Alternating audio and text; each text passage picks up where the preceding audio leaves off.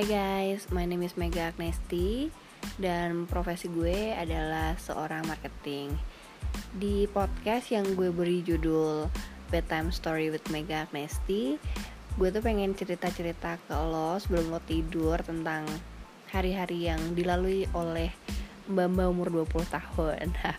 No, I mean like I want to share about my profession. Jadi kalian tuh bisa apa ya mungkin dapat kayak pencerahan gitu tentang apa sih pekerjaan seorang marketing. Dan gue juga pengen berbagi cerita tentang personal life gue. You can ask me about dating life or anything related to 20s problem. Karena menurut gue umur 20 itu umur yang paling seru banget untuk dilalui. Dan karena tahun depan udah umur 30 jadi gue pikir ini adalah saat yang tepat untuk berbagi banyak hal tentang challenge yang gue hadapi di usia 20 kepada kalian semuanya. Dan di episode pertama ini gue pengen menceritakan mengenai salah jurusan. Salah jurusan ini bukan salah jurusan naik bus ya, tapi salah jurusan waktu kuliah. Um, kayaknya nih ya banyak yang mengalami hal kayak gue. Waktu lulus SMA tuh kayak nggak tahu gitu mau kuliah di jurusan apa. Karena ya kita kayak masih nggak tahu sih jurusan ini tuh gimana terus pelajarannya kayak apa terus nanti kalau lulus jadi apa. Karena mostly um, in my opinion dan in based on my experience kayaknya satu dari 100 siswa SMA itu masih nggak tahu gitu loh masa depannya mau jadi apa nantinya. Kayak gue sendiri aja waktu gue lulus kuliah sorry waktu gue lulus SMA gue tuh kayak nggak tahu gitu pengennya masuk jurusan apa jurusan A um, itu nanti apa sih yang dipelajari terus nanti uh, kalau lulus bisa jadi apa. Karena jujur gue nggak punya cita-cita guys waktu gue SMA karena cita-cita gue itu waktu TK dari TK pokoknya dari kecil banget gue tuh pengen jadi pramugari. Cuman seiring berjalannya waktu gue kayak sadar gitu loh bahwa fisik gue tuh nggak bisa membuat gue untuk menjadi seorang pramugari. Ini bukan masalah cakep atau jelek pendek atau uh, tinggi ya. Permasalahannya bukan itu aja tapi kayak gigi gue nggak rata hmm, terus apa lagi ya? Uh, mata gue minus terus ada banyak bekas-bekas luka. Ya namanya juga kan anak yang suka berpetualang ya. Jadi kayak suka ada bekas luka jatuh di siku di lutut. Banyak sih luka gue. Jadi akhirnya hmm, harapan untuk menjadi pramugari itu pupus. Dan gue tuh masih nggak punya backup plan. Apa sih yang gue mau dalam hidup ini? Apa sih yang gue inginkan pekerjaan setelah gue lulus kuliah nah karena bokap gue itu adalah guru akuntansi jadi inspirasi untuk mengambil kuliah gue ini based on um, saran dari bokap. Sementara waktu itu gue tuh masih kayak nggak tahu haruskah gue jadi akuntan haruskah gue jadi auditor? Um, apakah gue akan happy kalau gue jadi akuntan atau jadi auditor? Yang jelas kata bokap waktu itu ambil accounting aja deh karena nanti setelah lulus dari accounting kamu tuh bisa jadi apa pun yang kamu mau dan bisa kerja di mana aja yang kamu mau. Bermodalkan harapan itu waktu UMPTN gue tuh pilih jurusan accounting.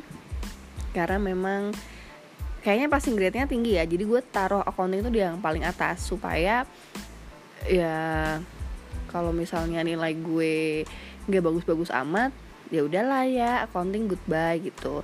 Nah di UMPTN tuh kan kayak gue milih dua jurusan kan kalau gue jurusan IPS nah yang di pilihan kedua ini menurut gue cocok dengan kepribadian gue tapi gue sendiri nggak tahu um, pelajarannya akan seperti apa dan kalau gue lulus kuliah gue akan jadi apa. Jadi di pilihan kedua ini gue tuh pilih jurusan komunikasi bukan karena gue suka sama komunikasi cuman waktu itu gue ngemikirnya kayak keren aja gitu anak Vkom pengennya kan ambil di Unpad ya cuman I don't know kayaknya waktu itu gue milih Undip karena biar deket dari rumah atau kenapa gitu. Jadi pokoknya bener-bener deh waktu gue milih jurusan kuliah itu um, ada perbekalan kayak biasanya kan orang nyari-nyari tahu gitu ya universitasnya gimana terus akreditasinya gimana reputasinya gimana. Nggak ada guys. Jadi gue tuh berpikir gue udah keterima sekolah di negeri aja udah cukup dan ya nggak jauh dari rumah karena gue tinggalnya di Pati Jawa Tengah. Jadi waktu itu gue milihnya Undip which is located um, at Semarang. Jadi di Jawa Tengah. Pokoknya Pati itu kota kecil di Jawa Tengah. Nah uh, capital city-nya tuh si Semarang ini. Jadi ya cuma dua jam. Kalau misalnya kangen rumah juga masih gampang pulangnya gitu kan. Itu adalah pilihan dan pikiran gue kenapa gue pada akhirnya memilih accounting dan communication di Undip. Setelah keterima nih mungkin doa bokap kayaknya lebih terkabul ya daripada doa gue sendiri. Karena gue berdoanya adalah ya Allah semoga gue terima di undip gitu. Dan itu selesai gitu. Sementara mungkin kalau doa bokap dia ngedoain gue supaya diterima di accounting. Dan keterima lah gue di accounting. Ilmu yang gue dapet di SMA selama 3 tahun tentang ekonomi dan akuntansi di kelas kuliah gue itu cuman um, diselesain dalam tiga bulan. Kebayang dong betapa packnya kuliah gue gitu kan di accounting. Nah masalahnya mending gitu ya kalau gue suka sama accounting. Turns out gue tuh ngerasa ini tuh nggak fit in sama gue gitu. Tapi kayak mau mundur juga udah telat karena gue ngerasa gila gue udah keterima di sini saingan satu dari puluhan ribu orang-orang gitu kan.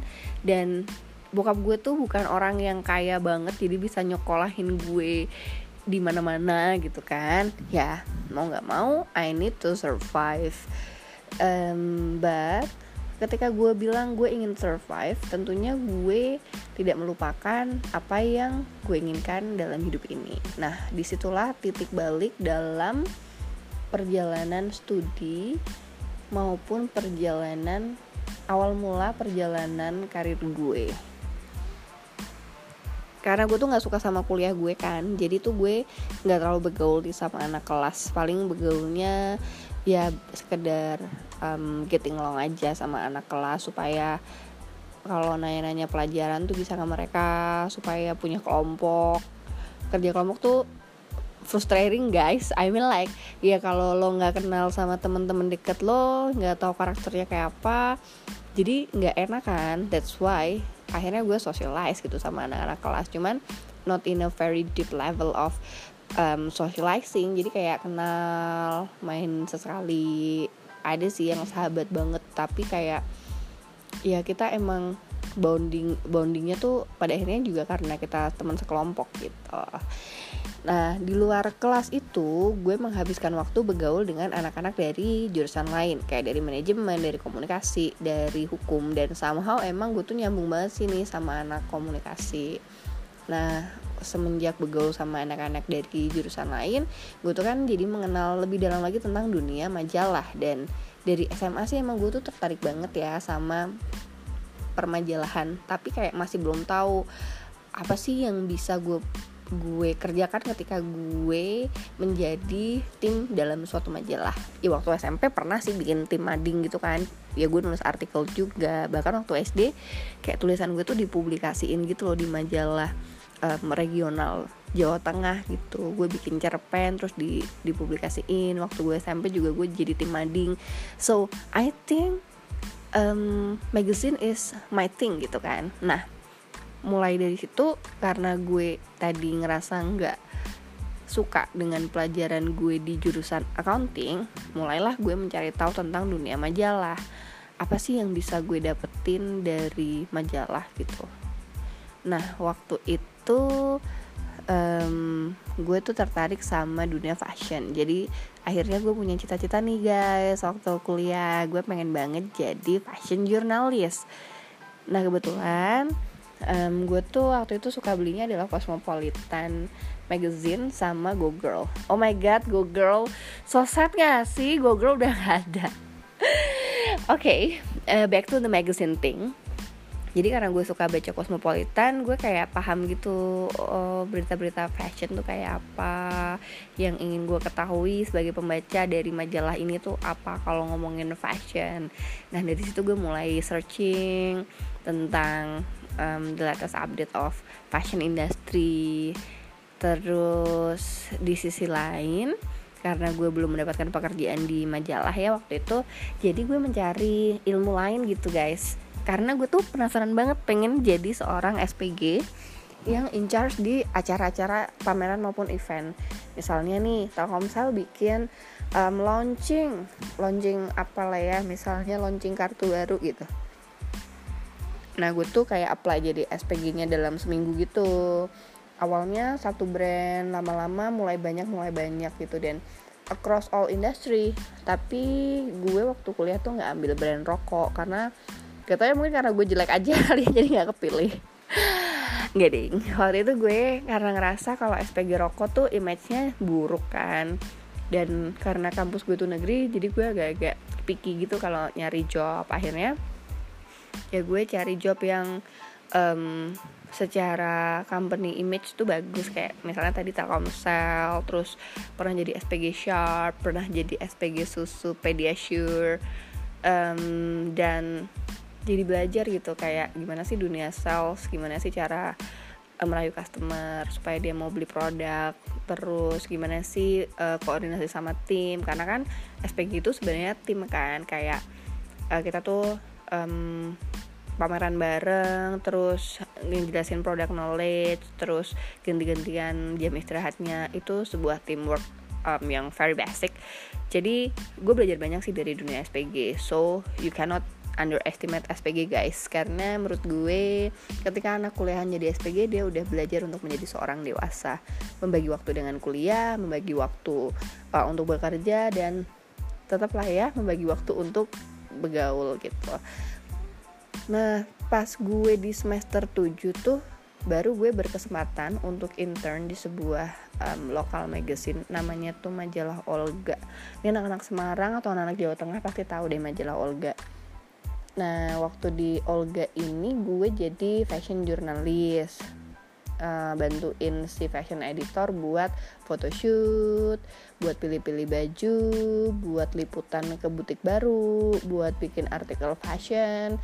Dan gue belajar banyak sih dari si fashion editor gue ini karena um, gue yang nggak bisa menulis maksudnya menulis artikel ya, ya artikel itu kan beda sama cerpen jadi gue yang nggak pernah bisa menulis artikel pelan-pelan tuh gue belajar nulis gitu kan. Akhirnya gue udah terbiasa tuh bikin artikel fashion dan bikin photoshoot. Dan gue tuh ngerasa kayak oh this is the job that I wanted when I graduated from my uni gitu. Sementara itu teman-teman gue magangnya pada di kantor KAP atau kantor akuntan publik gitu atau jadi auditor bantu-bantu akuntan. Dan ada beberapa yang udah mulai main saham. Karena kalau di uh, fakultas ekonomi itu guys ada yang namanya pojok BIJ di mana kalian itu akan training mengenai saham terus mulai main-main saham. Kayak ya modalnya tuh ratusan ribu doang sih. Tapi setidaknya kalian tuh dapat gambaran gitu loh gimana sih rasanya jadi uh, broker gimana sih uh, main saham dan seharusnya emang seperti itu sih ya lulusan accounting. But semakin gue gede semakin gue tahu apa yang gue cari dalam hidup gue ingin menjadi seorang fashion journalist dan itulah modal yang gue miliki saat gue lulus kuliah. Um, jadi kalau kalian ngerasa kalian saat ini lost dan aduh gila ini jurusan nggak sesuai banget sama minat gue tapi gimana ya gue nggak bisa um, quit karena a lot of thing I mean like kayak lo kayak gue bokap gue nggak akan mau ben gue kuliah di tempat lain gitu kan. Dan emang secara ekonomi gue sadar sih untuk untuk kuliah di kampus swasta tuh mahal banget. That's why ya gue harus survive di jurusan ini. Nah kalau kalian ngerasa kalian ada di situasi yang sama kayak gue waktu itu salah jurusan dan mau nggak mau harus uh, keep long ya kalian harus tahu gitu apa yang kalian inginkan dalam hidup ini ketika udah lulus kuliah nanti. Misalnya kalian di jurusan matematika terus tapi kalian suka sama IT gitu kan. Kalian ngerasa salah jurusan ya why not lo harus kayak tahu apa yang lo inginkan? Apakah lo ingin jadi IT consultant atau IT guy yang kerja di sebuah perusahaan suatu saat nanti? Yang harus lo tahu um, apa sih yang lo mau gitu loh yang kedua kalau lo udah tahu apa yang lo mau lo pasti akan nemuin jalan untuk ke sana. Misalkan um, karena lo suka sama IT jadi lo harus ngulik-ngulik terus gitu kan um, perkembangan IT terkini atau misalnya gimana sih cara bikin apps gimana sih cara bikin e-commerce. Nah udah deh lo pelajarin aja itu. Terus kalau lebih seru lagi kalau lo bisa nemuin komunitasnya bisa ngobrol dengan senior senior yang lebih paham IT terus mungkin udah mulai bisa internship di perusahaan-perusahaan yang butuh IT guy. Karena dengan begitu ketika lo lulus kuliah lo punya modal lo punya pengalaman di bidang yang lo suka. Walaupun secara background formal pendidikan um, berbeda banget dengan hal yang lo suka.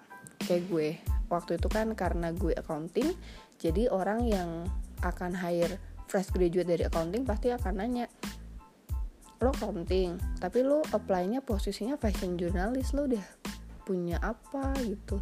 Ya akhirnya gue kasih lihat aja portofolio tulisan gue dan mereka ngerasa oh ternyata anak ini bisa nulis gitu loh. Walaupun pada akhirnya gue nggak kerja di majalah karena Oke itu akan gue jelaskan di lain kesempatan. Kenapa gue akhirnya jadi seorang marketing Bukan bukan fashion journalist gitu. But the thing is kalau lo saat ini salah jurusan, lo cari tahu passion lo apa, lo cari tahu apa hal yang bikin lo happy, dan lo tahu nanti kalau lulus pengen jadi apa sih. Nah setelah lo tahu itu lo mulai dari sekarang saat lo kuliah bikin portfolio atau pelajari lebih detail tentang hal yang lo suka dan lo harus tahu cita-cita lo saat lulus nanti gimana cara mencapai cita-cita tersebut. Kalau gue udah jelas ya gue pengen jadi fashion journalist waktu itu kan. Jadi gue internnya di majalah. Nah waktu gue lulus kuliah gue langsung apply ke beberapa majalah sebagai seorang fashion journalist waktu gue nyari alert oh bukan nyari bikin alert di job street juga yang gue cari salah satu adalah fashion journalist gitu.